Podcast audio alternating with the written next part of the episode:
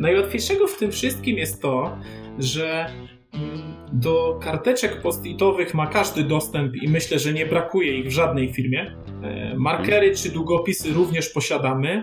Nie potrzebujesz tablicy nawet fizycznej, bo możesz te karteczki przyklejać na samym początku na ścianie, a myślę, że ścianę w firmie też ma każdy. Chyba takie najbardziej pozytywne w tym wszystkim jest to, że jeżeli tylko chcesz, to możesz zacząć od jutra.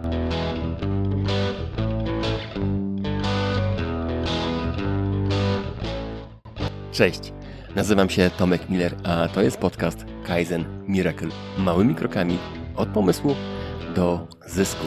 Jestem konsultantem biznesowym, trenerem i coachem. Wspieram przedsiębiorców i menadżerów w tworzeniu przyjaznych i zyskownych firm. Ten podcast tworzę dla przedsiębiorców i tych, co chcą nimi zostać. Chcę, żebyś korzystając z zamieszczonych treści małymi, średnimi lub wielkimi krokami dużo szybciej niż dotychczas osiągał swoje cele biznesowe i prywatne.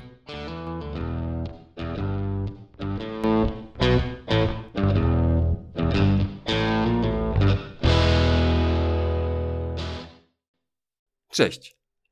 Dziś porozmawiam o usprawnieniach, które są na wyciągnięcie ręki, a jednak wiele firm z nich zupełnie nie korzysta. Czy kartka papieru może pomóc w prowadzeniu firmy?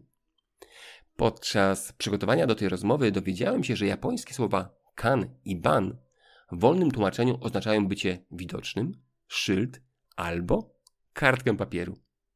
Okazuje się, że w wielu przypadkach wykorzystanie takiej prostej kartki bardzo usprawnia pracę. O tym, na czym polega metoda Kanban i jak dzięki niej usprawnić pracę w firmie, porozmawiam z Oskarem Jarnotem. Oskar jest pasjonatem Kaizen. Jest trenerem lin i wielbicielem sportu. Jest triatlonistą. Sportowe nawyki przekłada na pracę. Uważa, że każda organizacja jest jak sportowiec i dzięki determinacji, odpowiednich regułach, nawykach, każda może odnieść sukces. Bardzo mi się spodobało jego motto życiowe. Nie szybciej, a mądrzej. Zaraz się dowiemy, co mądrego jest w metodzie Kanban. Cześć, Oskar. Cześć, Tomek.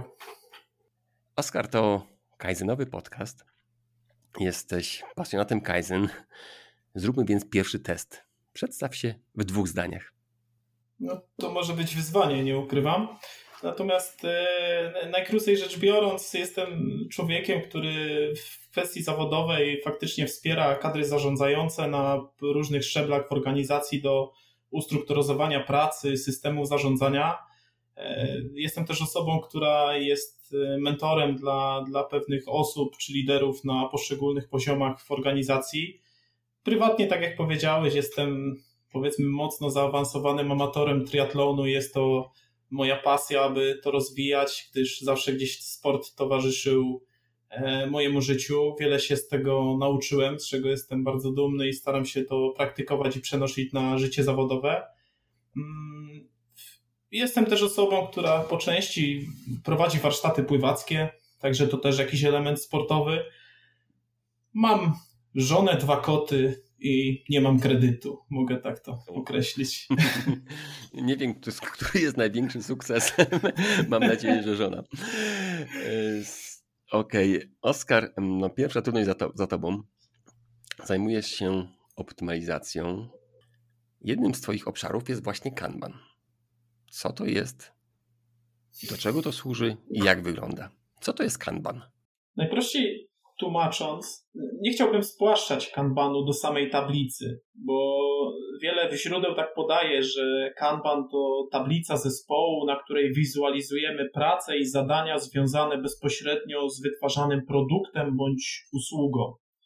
Natomiast już na wstępie mogę przestrzec, że spłaszczanie tej metody czy systemu do organizacji pracy zespołów tylko i wyłącznie do tablicy, no powoduje dużo zagrożeń i, mam doświadczenia z tym, że to po prostu nie działa. Dlatego Kanban to pewna filozofia podejścia do zarządzania pracą takiego zespołu przez lidera i przyjęta również przez zespół i odpowiednio zrozumiała, e, którym efektem takim wizualnym dla, dla samej organizacji czy firmy jest właśnie ta tablica, ale wokół niej dzieje się bardzo dużo aktywności, które e, mają na celu pewne zobowiązania wobec lidera i wymuszają na nim pewne, pewne reguły pracy, ale też wymuszają, czy są one zakontraktowane z członkami tego zespołu. Także to jest coś szerszego aniżeli tylko tablica, ale faktycznie e, sam Kanban można powiedzieć, że efekt wizualizacyjny w organizacji namacalny to jest właśnie tablica z zadaniami zespołu. Okej. Okay. To rozumiem, że, że Kanban to są takie dwa elementy. Pierwsze kultura pracy, a druga wizualizacja, tak? Tak to, tak to byś podzielił? Mm, dokładnie, tak. Tak, tak bym mógł to mhm. rozdzielić, gdzie wręcz jestem bardziej e, zawsze skupiony, jeżeli e, próbujemy z organizacją czy, czy z samymi liderami tak, ten system pracy zaimplementować, jak ja to troszeczkę nazywam procesowo, e, bardziej skupiam się na tych elementach miękkich i relacji, ponieważ uważam, że to ludzie i, i ich ekspercka wiedza i doświadczenia budują wartość w organizacji, a nie same narzędzia. No, tak wygląda z mojej strony. Okej, okay, to w takim razie zacznijmy od tego, co ty bardziej lubisz, czyli od tych miękkich umiejętności. Na czym polega ta filozofia Kanban, zanim przejdziemy do wizualizacji? To znaczy, zawsze, zawsze lider e, w uzgodnieniu z zespołem oczywiście buduje środowisko pracy, e, w jakim ten zespół funkcjonuje. I to mówię tutaj o liderze na najwyższych poziomach, jak szef e, danej organizacji, czy, czy liderzy na średnich strukturach zarządzania. E, miękkie elementy, jakie, jakimi lider się kieruje podczas wprowadzania takiej metody Kanban do swojego zespołu, to na pewno są bardzo zbieżne elementy z e, filozofiami jak Scrum czy Agile, czyli taka transparentność, e, wprowadzanie kultury feedbacku, czy po polsku mówiąc informacji zwrotnej, przyjmowanie jej, aktywne słuchanie zespołu. E, sama ta metoda też poprawia pracę zespołową, czyli mocno opiera się na wspólnym podejmowaniu decyzji. Nie mówię tutaj o całkowicie demokratycznym podejściu, ale chodzi tutaj o to, że zespół bardzo mocno się aktywizuje, wspólnie podejmując te decyzje. Często odpowiedzialność jest zawieszona odnośnie ostatecznej decyzji na liderze, no bo też to wynika, wynika z jego roli w organizacji niejednokrotnie, natomiast e, je, następuje to przekazanie E, odpowiedzialności za wytworzenie tej wartości i generowanie nowych pomysłów też na zespół. Że tutaj ta kultura pracy mocno się zmienia.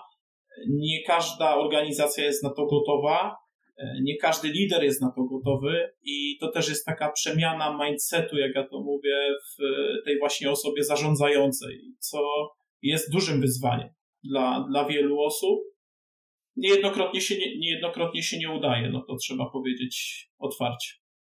Okej. Okay. A powiedz mi, jak to zrobić, żeby z lidera przenieść odpowiedzialność na pracowników?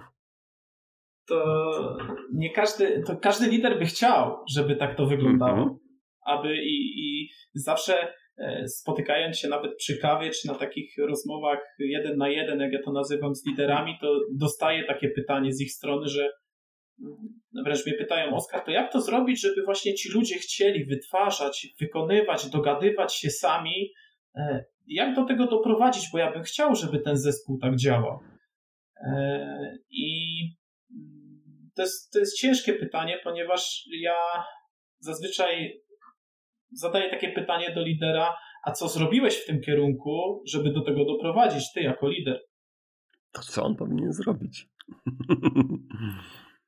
Ja uważam, że głównym, głównym elementem, e, który angażuje ludzi do, do, do pracy nad, nad produktem, ja bardzo często będę się chyba tutaj posługiwał taką, taką właśnie definicją produktu bądź usługi, ponieważ też taką, do tego jestem przyzwyczajony, powiedzmy sobie szczerze, żeby skupić zespół do, do pracy nad produktem, lider musi bardzo dobrze i często komunikować wizję tego, tego produktu dlaczego on w ogóle powstaje, jaka jest potrzeba, na jaki on problem biznesowy odpowiada i uczyć zespół i przekazywać tą wiedzę do zespołu. To jest moim zdaniem pierwsza rzecz. E, druga rzecz to włączenie tych ludzi, którzy są w zespole i traktowanie ich jako partnerzy do rozmowy, że ich wiedza ekspercka w obszarach, które, które oni znają, w których oni uczestniczą, ponieważ może to być też cross-funkcjonalny zespół, ale jeżeli są eksperci w moim zespole i ja jestem liderem takiego zespołu, no to tutaj musimy traktować się na równym poziomie, a nie w strukturze hierarchicznej, że ja jestem szefem. Traktujemy się mhm. wspólnie e, jako, że jesteśmy równi, szanujemy się i jeżeli mam partnerów do rozmowy, to stwierdzę, że ich wiedza, doświadczenie i eksperckość no jest najlepszym możliwym elementem, jaki mogę wykorzystać do wytworzenia wartości w produkcie. Dlatego mhm. lider powinien bardzo mocno traktować po partnersku taki zespół. I no i może tak to zakończę, jeżeli chodzi o odpowiedź na to pytanie. Słuchaj, a łatwo mówić, żeby traktować kogoś innego po partnersku, ale jako ten lider czy szef to muszę podejmować decyzje. To, jak opowiadasz, to tak czuję trochę, zalatuje mi taką organizacją turkusową, że jest e, lider i e, który jest taką osobą niby dowodzącą, ale wszyscy zastanawiają się, co zrobić, żeby było najlepiej. Czy to jest tak właśnie jak w organizacjach turkusowych, czy to jest trochę inaczej, że ten lider jest jak gdyby ponad tą grupą i stara się z tych ludzi, którzy ma pod sobą, wydobyć to, co jest najlepsze. Jak to jest? ciężko mi się odnieść do organizacji turkusowych, bo mhm. nigdy takiej nie widziałem, nigdy w takiej okay. nie byłem. I stąd mogę powiedzieć, że jeżeli ktoś pracuje w takiej i chciałby mnie zaprosić i pochwalić się, w jaki sposób to jest robione, to ja bardzo chętnie takie zaproszenie przyjmę i wybiorę się na kawę. Czytałem o tym w książkach, e, mhm. natomiast ja uważam, że nie ma czegoś takiego i nie doprowadzimy w naszym kraju do tego, żeby jakakolwiek organizacja była w 100% turkusowa i tak jak to jest opisywane w książkach. Odpowiedzialność będzie zawieszona na liderze za pewne decyzje, bo to wynika też z pewnej struktury odpowiedzialności w organizacji. No, możemy tworzyć płaską strukturę o, o mniej złożonych poziomach i, i wtedy ta odpowiedzialność może być mniejsza bądź, bądź większa na liderze, ale mimo wszystko jest. To on odpowiada za zespół, i gdzieś e, ta ostateczna decyzja odnośnie danych kierunków, e, co do wytwarzania danych wartości w produkcie jest po jego stronie. Całkowite i stuprocentowanie, stuprocentowe, przepraszam, oddanie takiej decyzyjności do zespołu moim zdaniem nie istnieje. I ja przynajmniej w mojej historii i karierze zawodowej nie spotkałem się z takim podejściem w żadnej z firm w Polsce w taki, odnośnie systemu zarządzania. No, takie mam doświadczenia. Okej, okay, ale o tym, żeby wyciągać informacje od pracowników, żeby korzystać z nich, to wiele mm, systemów, metod mówi. Co jest wyjątkowego w tej metodzie Kanban? Kiedyś jak rozmawiałem z jednym z takich y, moich powiedzmy mentorów czy, czy, czy przyjaciół, z którymi lubię współpracować i też jest fanatykiem w podejściu w tej metodzie i, i mocno ją analizuje, to takim ukrytym skarbem, jakby to określić w metodzie Kanban, jest to, że ten Kanban tak naprawdę zastępuje lidera. I, hmm. I lider staje się bardziej moderatorem i może występować w roli moderatora, facylitatora pracy zespołowej, a zespół organizuje się wokół właśnie tej tablicy kanbanowej, która wizualizuje pracę.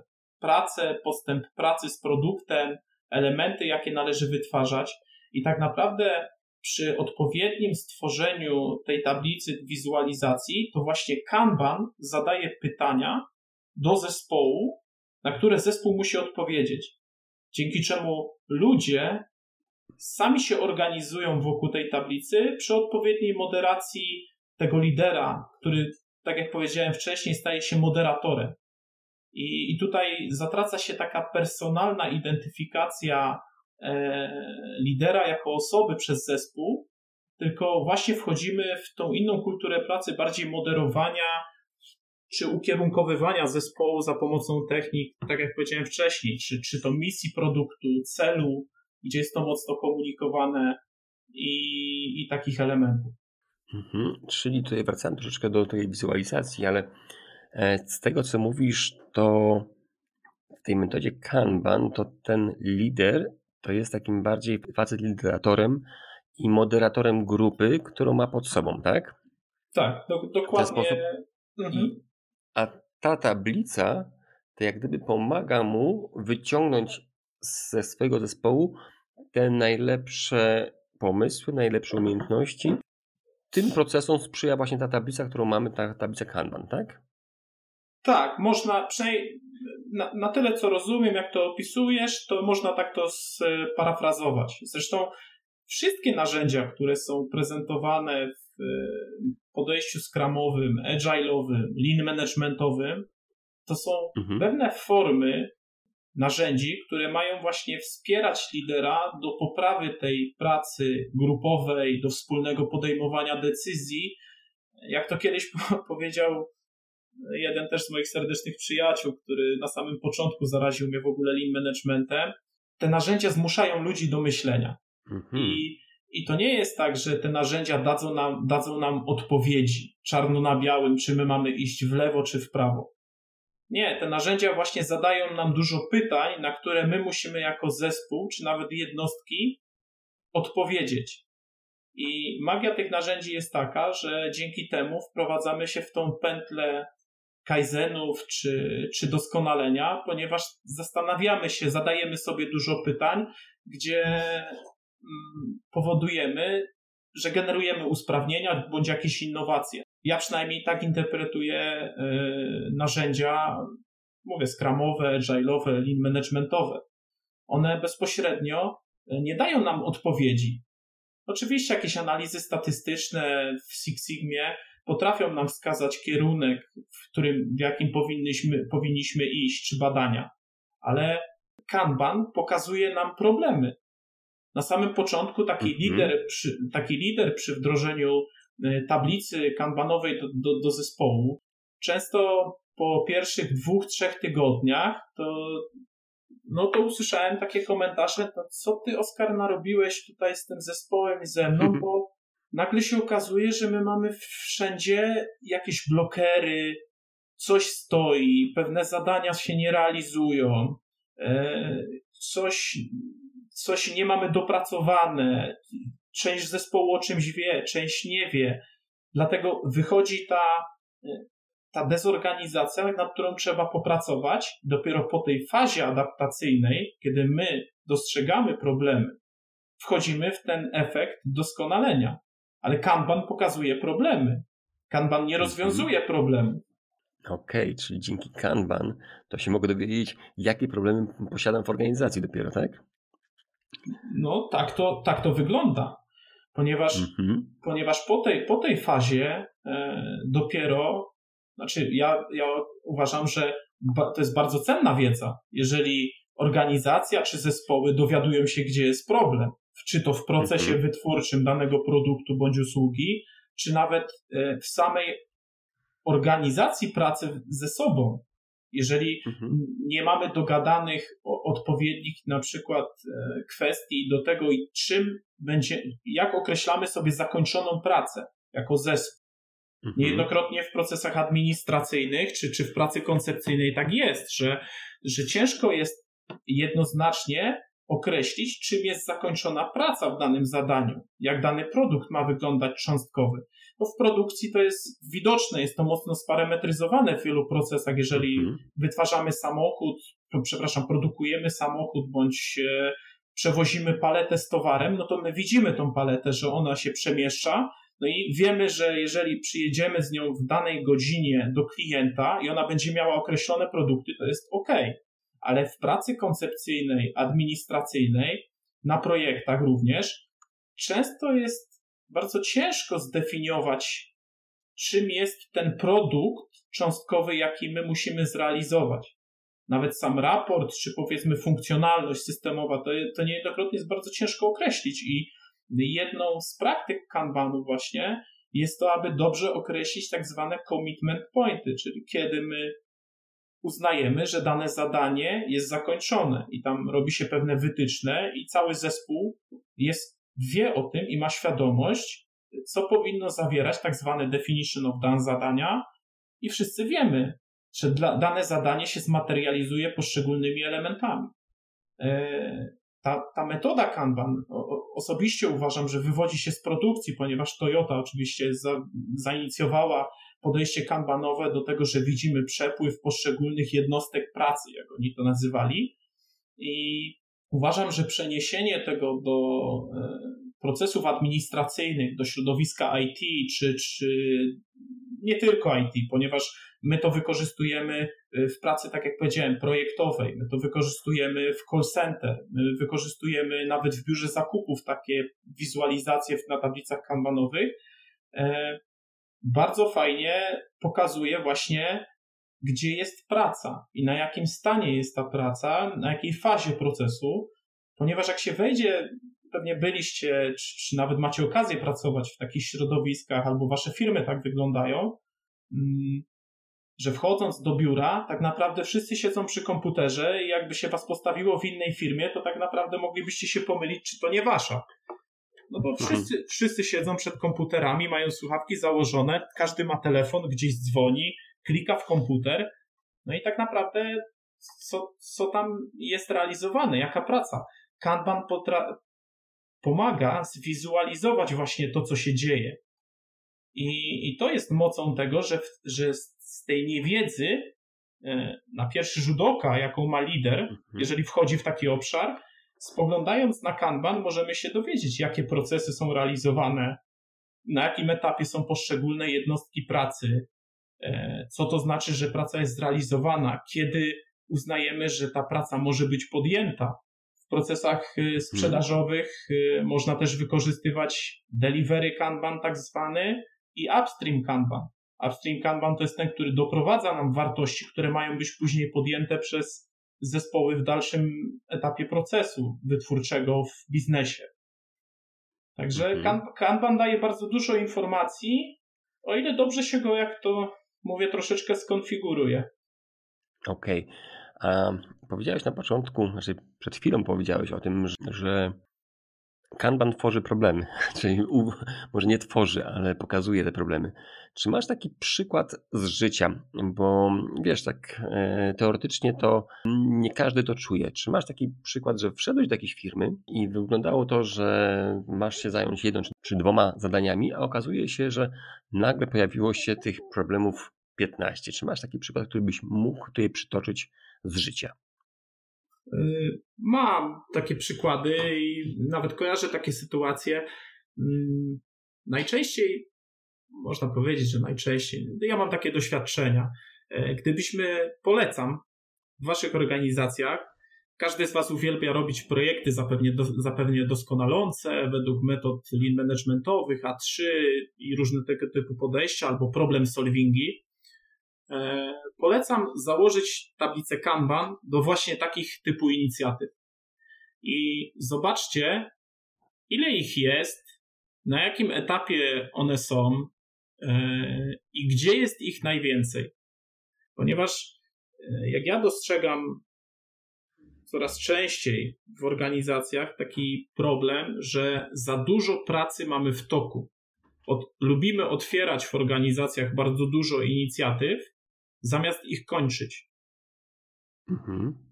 Jesteśmy bardzo mocno mm, obłożeni pracą w małych i dużych organizacjach. Pracy nie brakuje, wszyscy biegają, załatwiają, dzwonią, koordynują, a mało kończymy.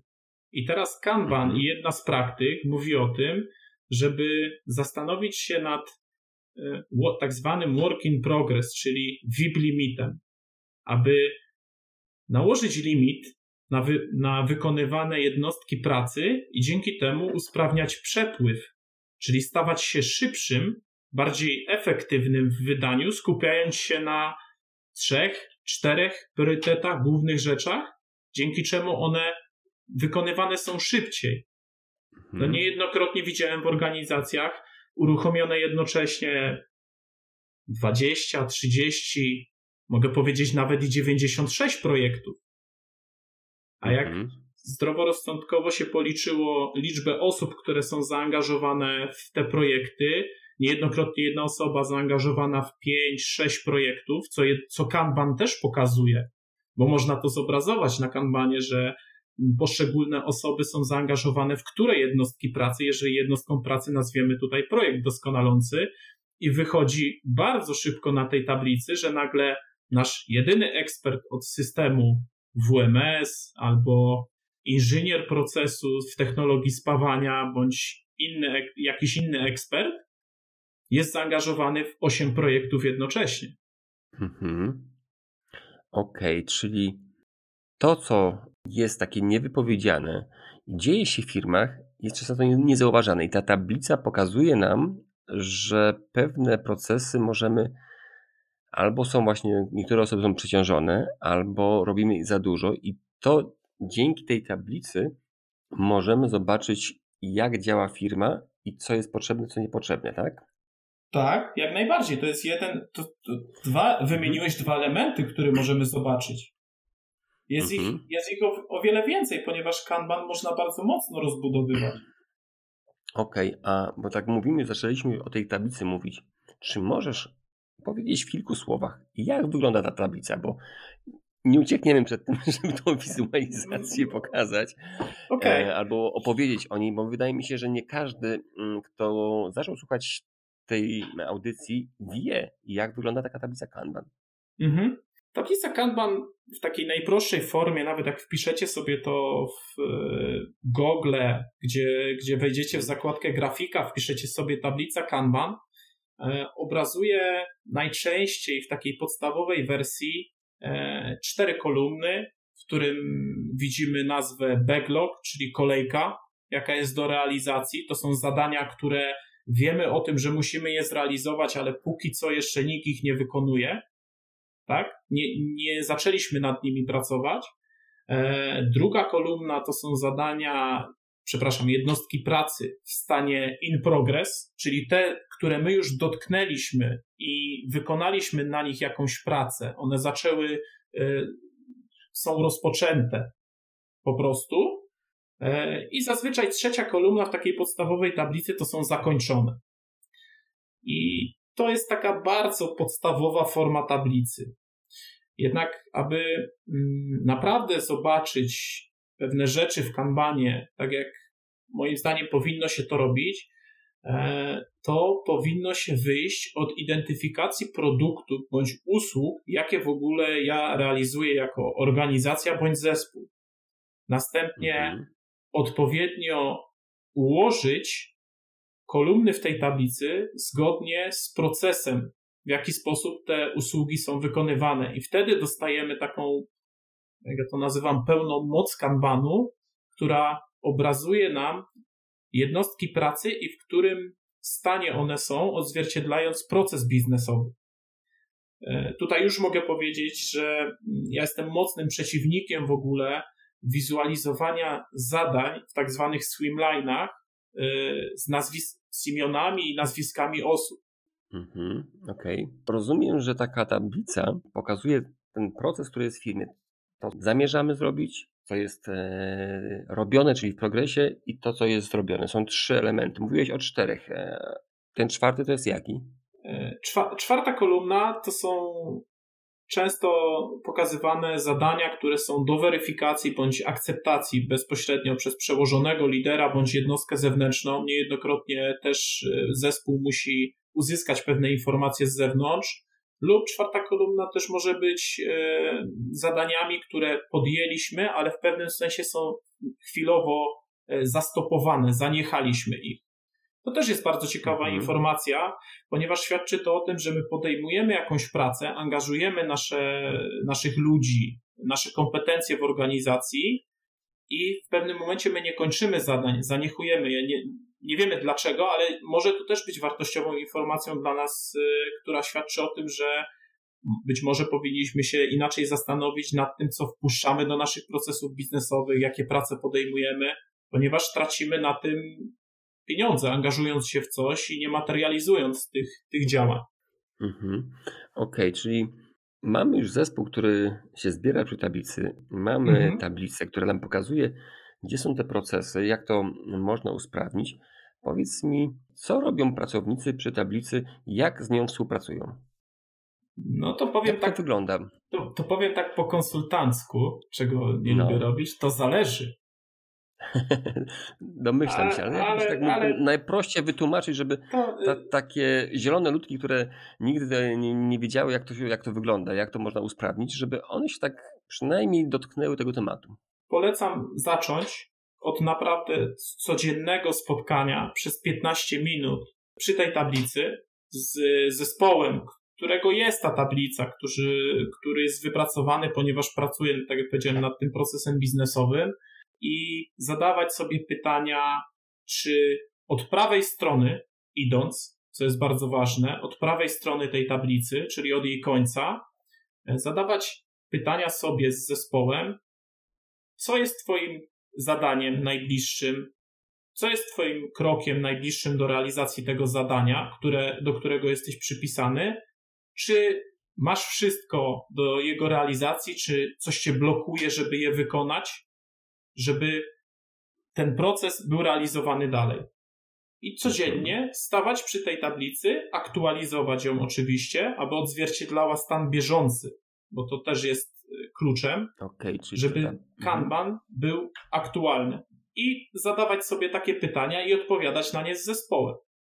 I to jest właśnie powrót do początku naszej rozmowy, Tomek, bo pytałeś właśnie, w jaki sposób wyciągać mhm. od ludzi informacje. No to właśnie przez zadawanie takich pytań w stosunku do codziennej pracy, procesu.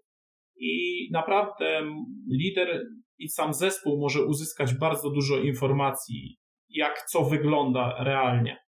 Okay, czyli ta taka tablica Kanban to mm, pracodawcy pokaże, gdzie jesteśmy co, codziennie, w którym miejscu działamy, czy działamy sprawnie, czy coś się opóźnia, i dzięki temu, że na tej tablicy mamy rozpisane punkty, co jest ważne dla nas, co jest mniej ważne, co jest do zrobienia wcześniej czy później, to dzięki temu możemy szybko zareagować i usprawnić te momenty, które nam, nas blokują, tak? Do, dokładnie tak. Mało tego, poruszyłeś mhm. tutaj bardzo fajny, fajny temat, ponieważ zapraszając właściciela nawet organizacji albo dyrektora na spotkanie takiego zespołu, to dyrektor może zobaczyć, nad czym zespół faktycznie pracuje. Ponieważ on na mhm. wyższym poziomie w organizacji może określać swoje priorytety, co jest dla niego ważne i w jakim kierunku chciałby, żeby organizacja podążała, a idąc na takie spotkanie zespołu, tablica pokaże mu, czy faktycznie te priorytety, które on komunikuje, one są w jakiś sposób realizowane i przez jakie zadania.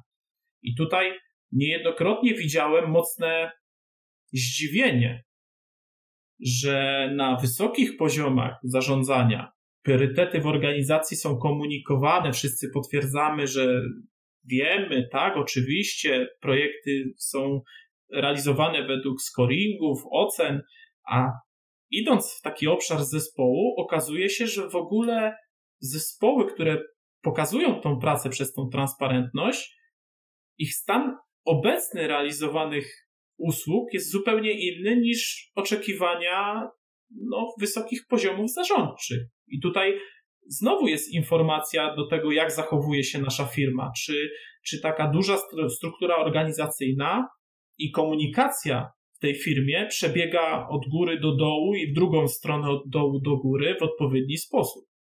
Kanban również nam to pokazuje. Okej, okay, to mamy kolejną informację, co nam pokazuje Kanban, tak? Czyli pokazuje nam, czy szefostwo dobrze komunikuje swoje informacje zespołom niższą, niższym i czy zespoły niższe rozumieją to, co chce zarząd, tak? To jest jedna rzecz, a druga to mówi, że tak jak powiedziałeś wcześniej, że ten Kanban to zmusza ludzi do myślenia. To wydaje mi się, że chyba jest najważniejsze. Drugie, że pokazuje nam, w jakim momencie jesteśmy, co możemy przyspieszyć i co nas blokuje. I czwarta rzecz jest taka, że właśnie to, co już wspomniałem przed chwileczką na, na początku, że zarząd może sprawdzić, czy zespoły poniżej wiedzą, czego od nich się oczekuje i czy to wszystko się zazębia, czy to się wszystko nie rozjeżdża z braku komunikacji. Dokładnie. Można, można też zobaczyć kolejną rzecz. Czy rzeczy, które są przed nami, to co mówiliśmy w pierwszej kolumnie, w kolejce, jako, jako następne do zrealizowania, czy one są uszeregowane według odpowiednich priorytetów, co daje zespołowi poczucie, że wie, co w najbliższym czasie będzie realizowane. E, jeżeli mamy, znowu się odwołam do, do dużej organizacji, czy powiedzmy kilkunastu zespołów, jeżeli więcej niż e, jeden powiedzmy przełożony czy, czy obszar zleca pracę do, do danego departamentu, jakim jest na przykład departament IT bądź utrzymania serwerów albo na przykład zakupów, bo też tak może się wydarzyć, to jeżeli zakup, departament zakupów realizuje procesy dla różnych działów w organizacji, to można się spotkać z tymi osobami, które zlecają te, te, tą pracę do tego zespołu zakupów przed tą tablicą i porozmawiać z nimi, okay, to teraz panowie, który z, który z kolejnych mm, elementów jed, czy jednostek pracy, jakie nam zlecacie, my mamy pobrać do realizacji. Czyli wykonujemy już inną formę spotkania, nawet nie bezpośrednio z zespołem, a z tymi właśnie Mm, naszymi klientami, bo biuro zakupów tutaj realizuje dla klienta wewnątrz organizacji pewne usługi i zadać sobie pytanie, no okej, okay, to co teraz jest ważne dla ciebie jako pierwsze, co kolejne powinienem realizować ze swoim zespołem. I teraz, jeżeli mamy, tak jak wracam wcześniej, 20 zleceń od danego departamentu, to tutaj jest takie dość mocne pytanie do, do tego klienta, a co jest dla ciebie takie naprawdę ważne, jakbyś miał wybrać jedną rzecz, z tych wszystkich zleceń, co mam zrealizować do ciebie, dla ciebie w pierwszej kolejności. Powodujemy też mhm. inny element, że jeżeli ci, ci ludzie, reprezentanci tych jednostek spotkają się razem, to mogą wspólnie porozmawiać, czy czasem gdzieś nie dublujemy swojej pracy w organizacji, być może proszą o to samo, bo też mogą, mogą to zobaczyć. Mhm. Także Kanban też nam po części mm, pomaga w planowaniu takiej przyszłej pracy, co przed nami. Daje to poczucie samym zespołom, że oni wiedzą, to, to nie jest wtedy praca z dnia na dzień się zmienia, nie wiem dlaczego, tylko bardziej wprowadzamy stabilność w organizacji, świadomie. Taką świadomość informacji, informacyjną, komunikacyjną, mhm. co Dokładnie. jest ważne, co jest ważne w tej chwili tej chwili mamy takie, takie inne priorytety. Skoro z tych 23 musimy wybrać dwa albo trzy, które są najważniejsze, żeby dowieść to, co najważniejszy klient potrzebuje. Dokładnie tak. Okej. Okay. Tak jakbyś mógł podsumować w kilku punktach, to jakie zalety w firmie ma prowadzenie tablicy Kanban? Już tu mówiliśmy o tym, jakbyśmy chodzi o to same mhm. podsumowanie. Wiemy, gdzie jesteśmy. To jest, mhm. to, jest, to jest najważniejsze. Wiemy, znamy stan obecny. E, naszy, naszej pracy, naszych procesów. E, jesteśmy w stanie zobaczyć, czy całość organizacji, jeżeli rozbudujemy ten system, e, dobrze rozumie oczekiwania związane ze strategią, czy elementy wypracowane strategii i przekłada to na decyzje w poszczególnych obszarach biznesowych przy rozbudowanym systemie. Poprawiamy zdecydowanie komunikację i priorytetyzację kolejnych e, zadań do realizacji. No i no, klucz na pewno, moim zdaniem, widzimy na bieżąco problemy, jakie występują w obszarach, co daje nam mm, wkład do doskonalenia. Mhm. Super. Masę ważnych informacji i to wszystko daje tylko jedna kartka. Dokładnie tak. E... Kartka czy tablica, tak, tak to działa. Mhm. Super. A czy w tej metodzie Kanban korzysta się z innych tablic albo z innych takich mierników czy wskaźników, które pokazują pracownikom czy dyrekcji, jak działa firma? Można stosować e, wiele parametrów, do, do Kanbana, do, do tablicy. Możemy mierzyć e, czas przepływu danych zadań, czyli od momentu pobrania go do rozpoczęcia realizacji do momentu zakończenia go. Możemy mierzyć tak zwany lead time zadania i wtedy wiemy na podstawie większej próbki czy zbioru y, takich informacji, czym więcej takich zadań skończymy, mamy większy bank informacji, jesteśmy w stanie przewidzieć, statystycznie nawet, że dana grupa zadań jest realizowana w przeciągu 5-7 dni od złożenia zlecenia. I mhm. przy większej próbce danych to naprawdę wychodzi i statystycznie się to potwierdza, dzięki czemu e, taki zespół jest w stanie lepiej prognozować czy odpowiadać na oczekiwania klienta, bo on jest w stanie udzielić precyzyjnej odpowiedzi. Jeżeli przyjdziesz do mnie dziś i ja wezmę to zadanie i rozpoczniemy je w najbliższych trzech dniach, a mój lead time jest 7 dni, to ja mogę odpowiedzieć Tobie, że do 10 dni zrealizuję dla Ciebie tą usługę. Daje to pewną dozę takiej, takiego bezpieczeństwa czy jasnego komitmentu na, na bazie informacji. E, inne elementy, jakie, jakie można mierzyć na, na kanbanie, to na przykład czas tak zwany starzenia się zadania w danej kolumnie. I teraz, jeżeli, jeżeli zmierzymy sobie czas przebywania zadania w danej kolumnie, czyli w danym stanie, jeżeli ten stan jest powiedzmy weryfikacja, i widzimy, mhm. że e, ten czas jest najdłuższy spośród przebywania we wszystkich kolumnach naszych zadań, to wiemy o tym, że proces weryfikacji, czy też sposób, w jaki, jaki my weryfikujemy w tym procesie, choćby zakupowym, do którego się odnoszę, pewne oferty, dokumenty, jest najdłuższy spośród naszego całego procesu.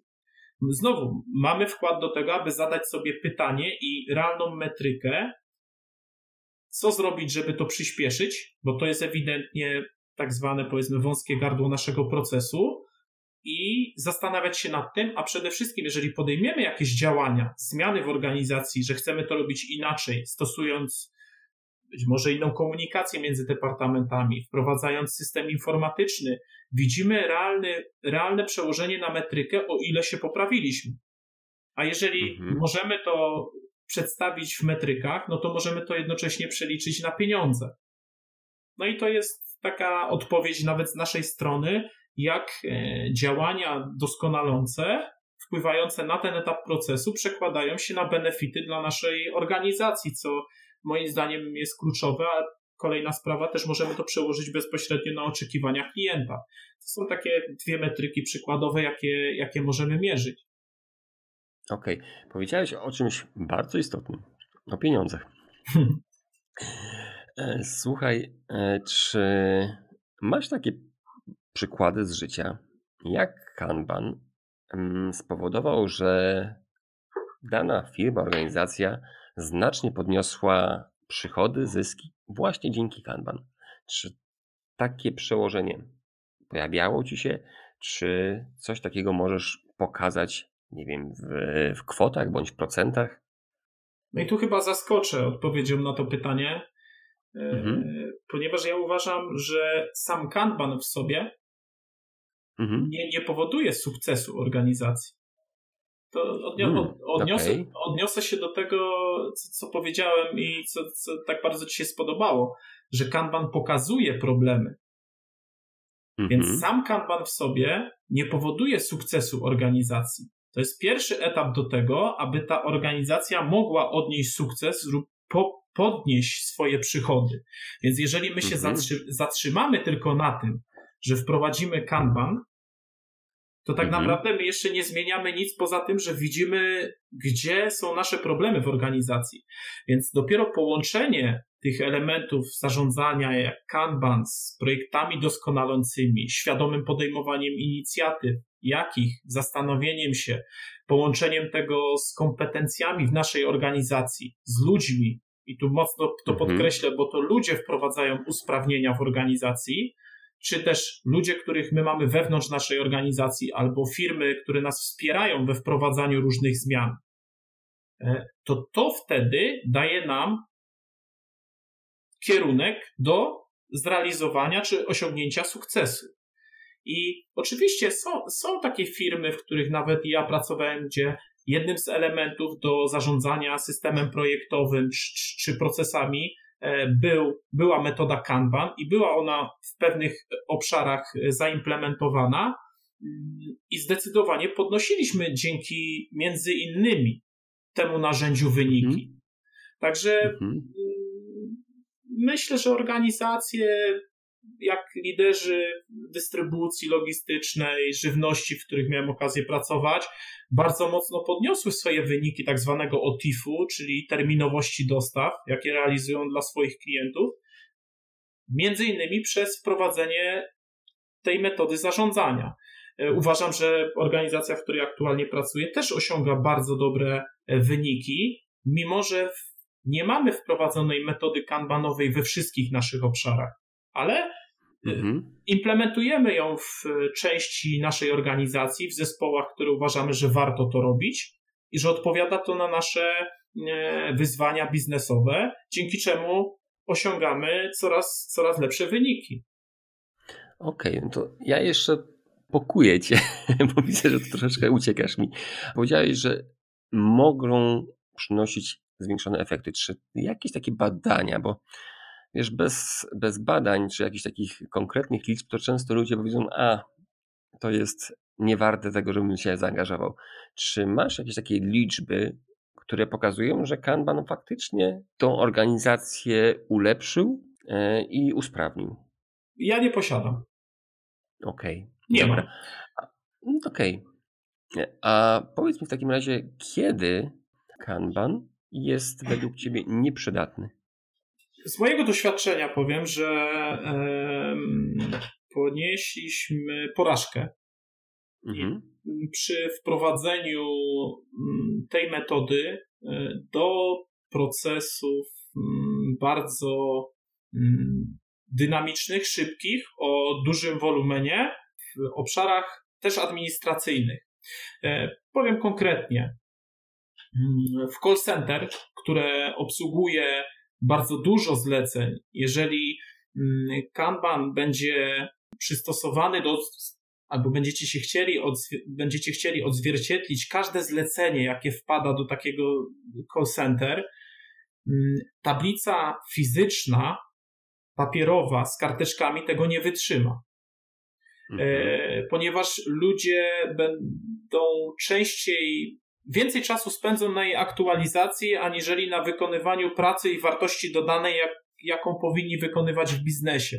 Dlatego ta metoda w formie fizycznej nie sprawdza się w takich obszarach, ale e, jeżeli zaimplementujemy metodę Kanban w systemie informatycznym, który jest skonfigurowany i podaje tą pracę do zespołu, przez co jednocześnie staje się takim systemem planowania e, do realizacji prac,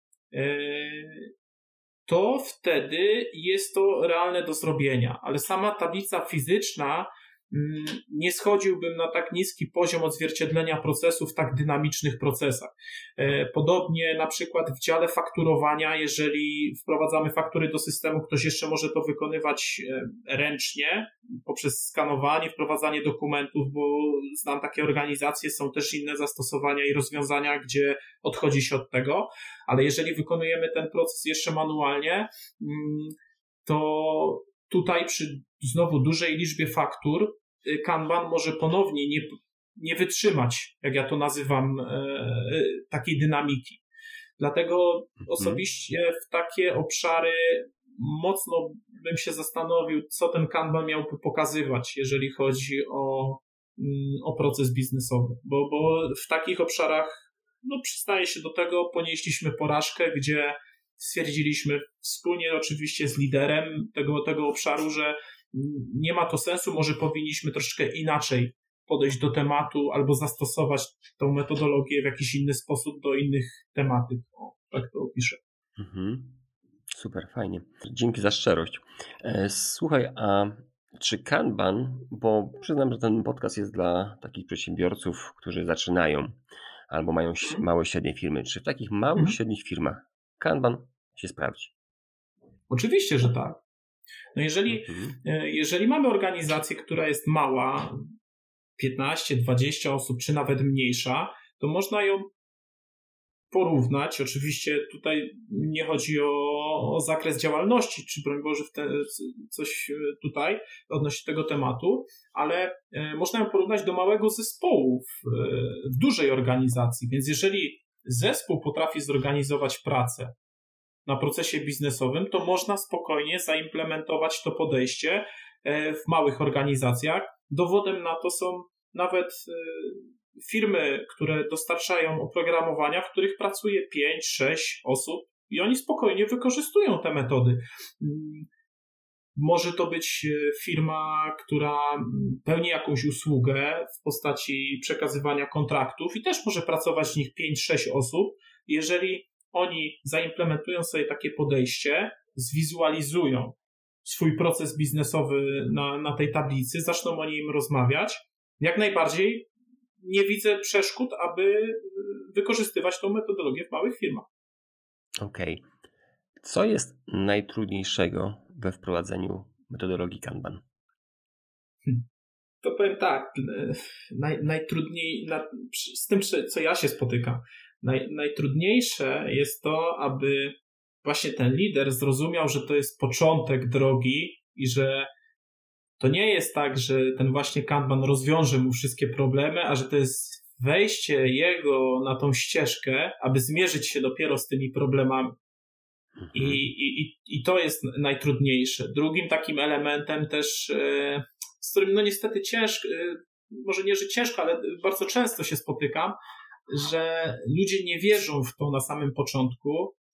Jak takie karteczki, po prostu, które wypisujemy z zespołem, mogą nam dać coś wartościowego? E, często spotykam się z takim odniesieniem, że więcej pracownikom zajmie wypełnianie tych karteczek, aniżeli wykonywanie pracy, że to jest strata i tutaj często liderzy odnoszą się do marnotrawstwa nawet w procesach biznesowych.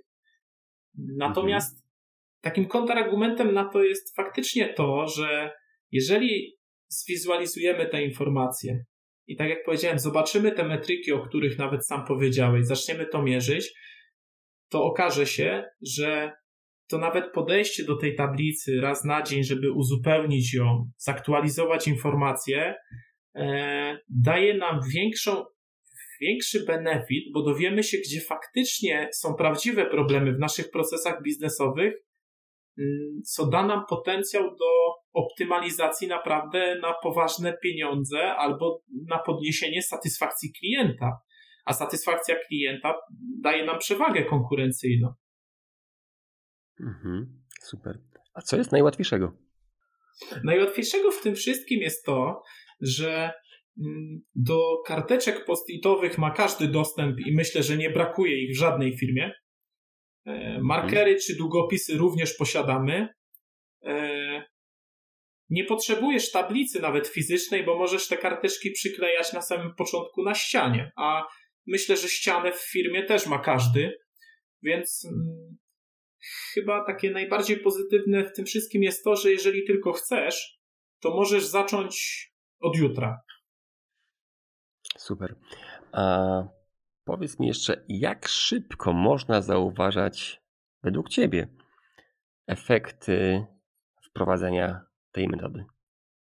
Prowadząc e, warsztaty z zespołami, gdzie rozpoczynamy taką przygodę wprowadzenia tych metodologii, czy, czy, czy w ogóle mm, takiej, takiej rozmowy, mm, ja dostrzegam już pierwsze efekty Kanbanu po pierwszym warsztacie.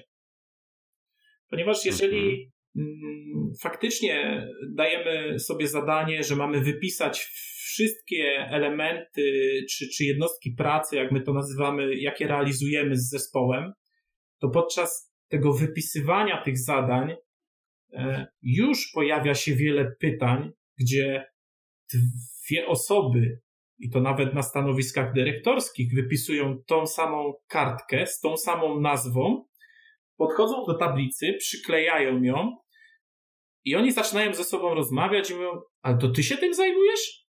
Nie, no bo przecież ja ten temat ciągnę i tam rozmawiam z, z zespołem odnośnie ustaleń.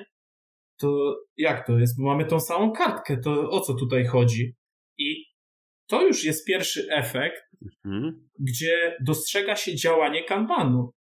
bo zauważmy, że ludzie już sobie przekazują informacje i już następuje ta taka uspójnienie czy konfiguracja między nimi relacji, o co tutaj chodzi i lepsze zrozumienie organizacji pracy. Więc po, po pierwszym, czy w trakcie nawet już, bo to nawet nie po, a w trakcie pierwszego takiego, takiego ćwiczenia, to już wychodzi wiele informacji dla lidera i zespołu, że mają potencjał do, do usprawnień czy do zmiany w ogóle w, w elementach swojego codziennego funkcjonowania. Oskar, będziemy powoli już kończyć. Prawie już godzinę rozmawiamy. Powiedz jeszcze na zakończenie Kaizenowo w dwóch zdaniach. Gdzie ciebie można znaleźć? Wiem, w basenie na rowerze. Tak. Y, bardzo często mnie można gdzieś spotkać na rowerze. No teraz aktualnie w zimie to y, w domu, ale mm, na co dzień zapraszam do Torunia e, na kawę. Jeżeli ktoś nie był w Toruniu, polecam. Bardzo fajna starówka, piękne miasto. Także ja jestem w Toruniu. A jeżeli chodzi o kanały, na których możemy się skomunikować, no to myślę, że y, platforma LinkedIn jest najlepszym kanałem do komunikacji ze mną. Jestem tam aktywny, więc jeżeli ktoś będzie chciał zadać jakieś pytania, porozmawiać, no to jestem otwarty na, na, na nowe znajomości, czy, czy, czy w ogóle na, na chęć komunikacji. Super. Oskar, wielkie dzięki za poświęcony czas, za przekazanie bardzo dużo interesujących informacji o tym, co jest dobre i co jest złe.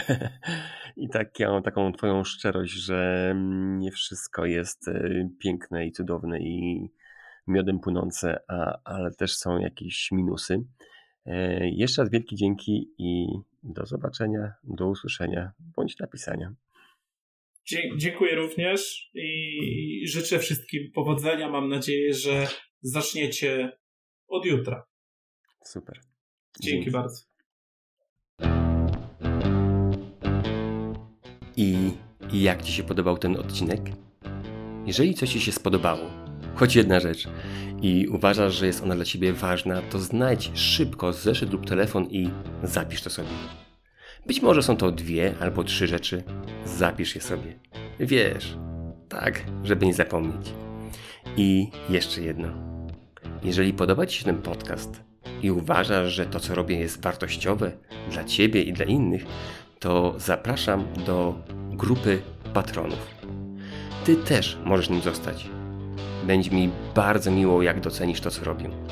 Patronem możesz zostać na stronie www.patronite.pl ukośnik Kaizen Miracle. I to już wszystko. Do usłyszenia za tydzień. Cześć!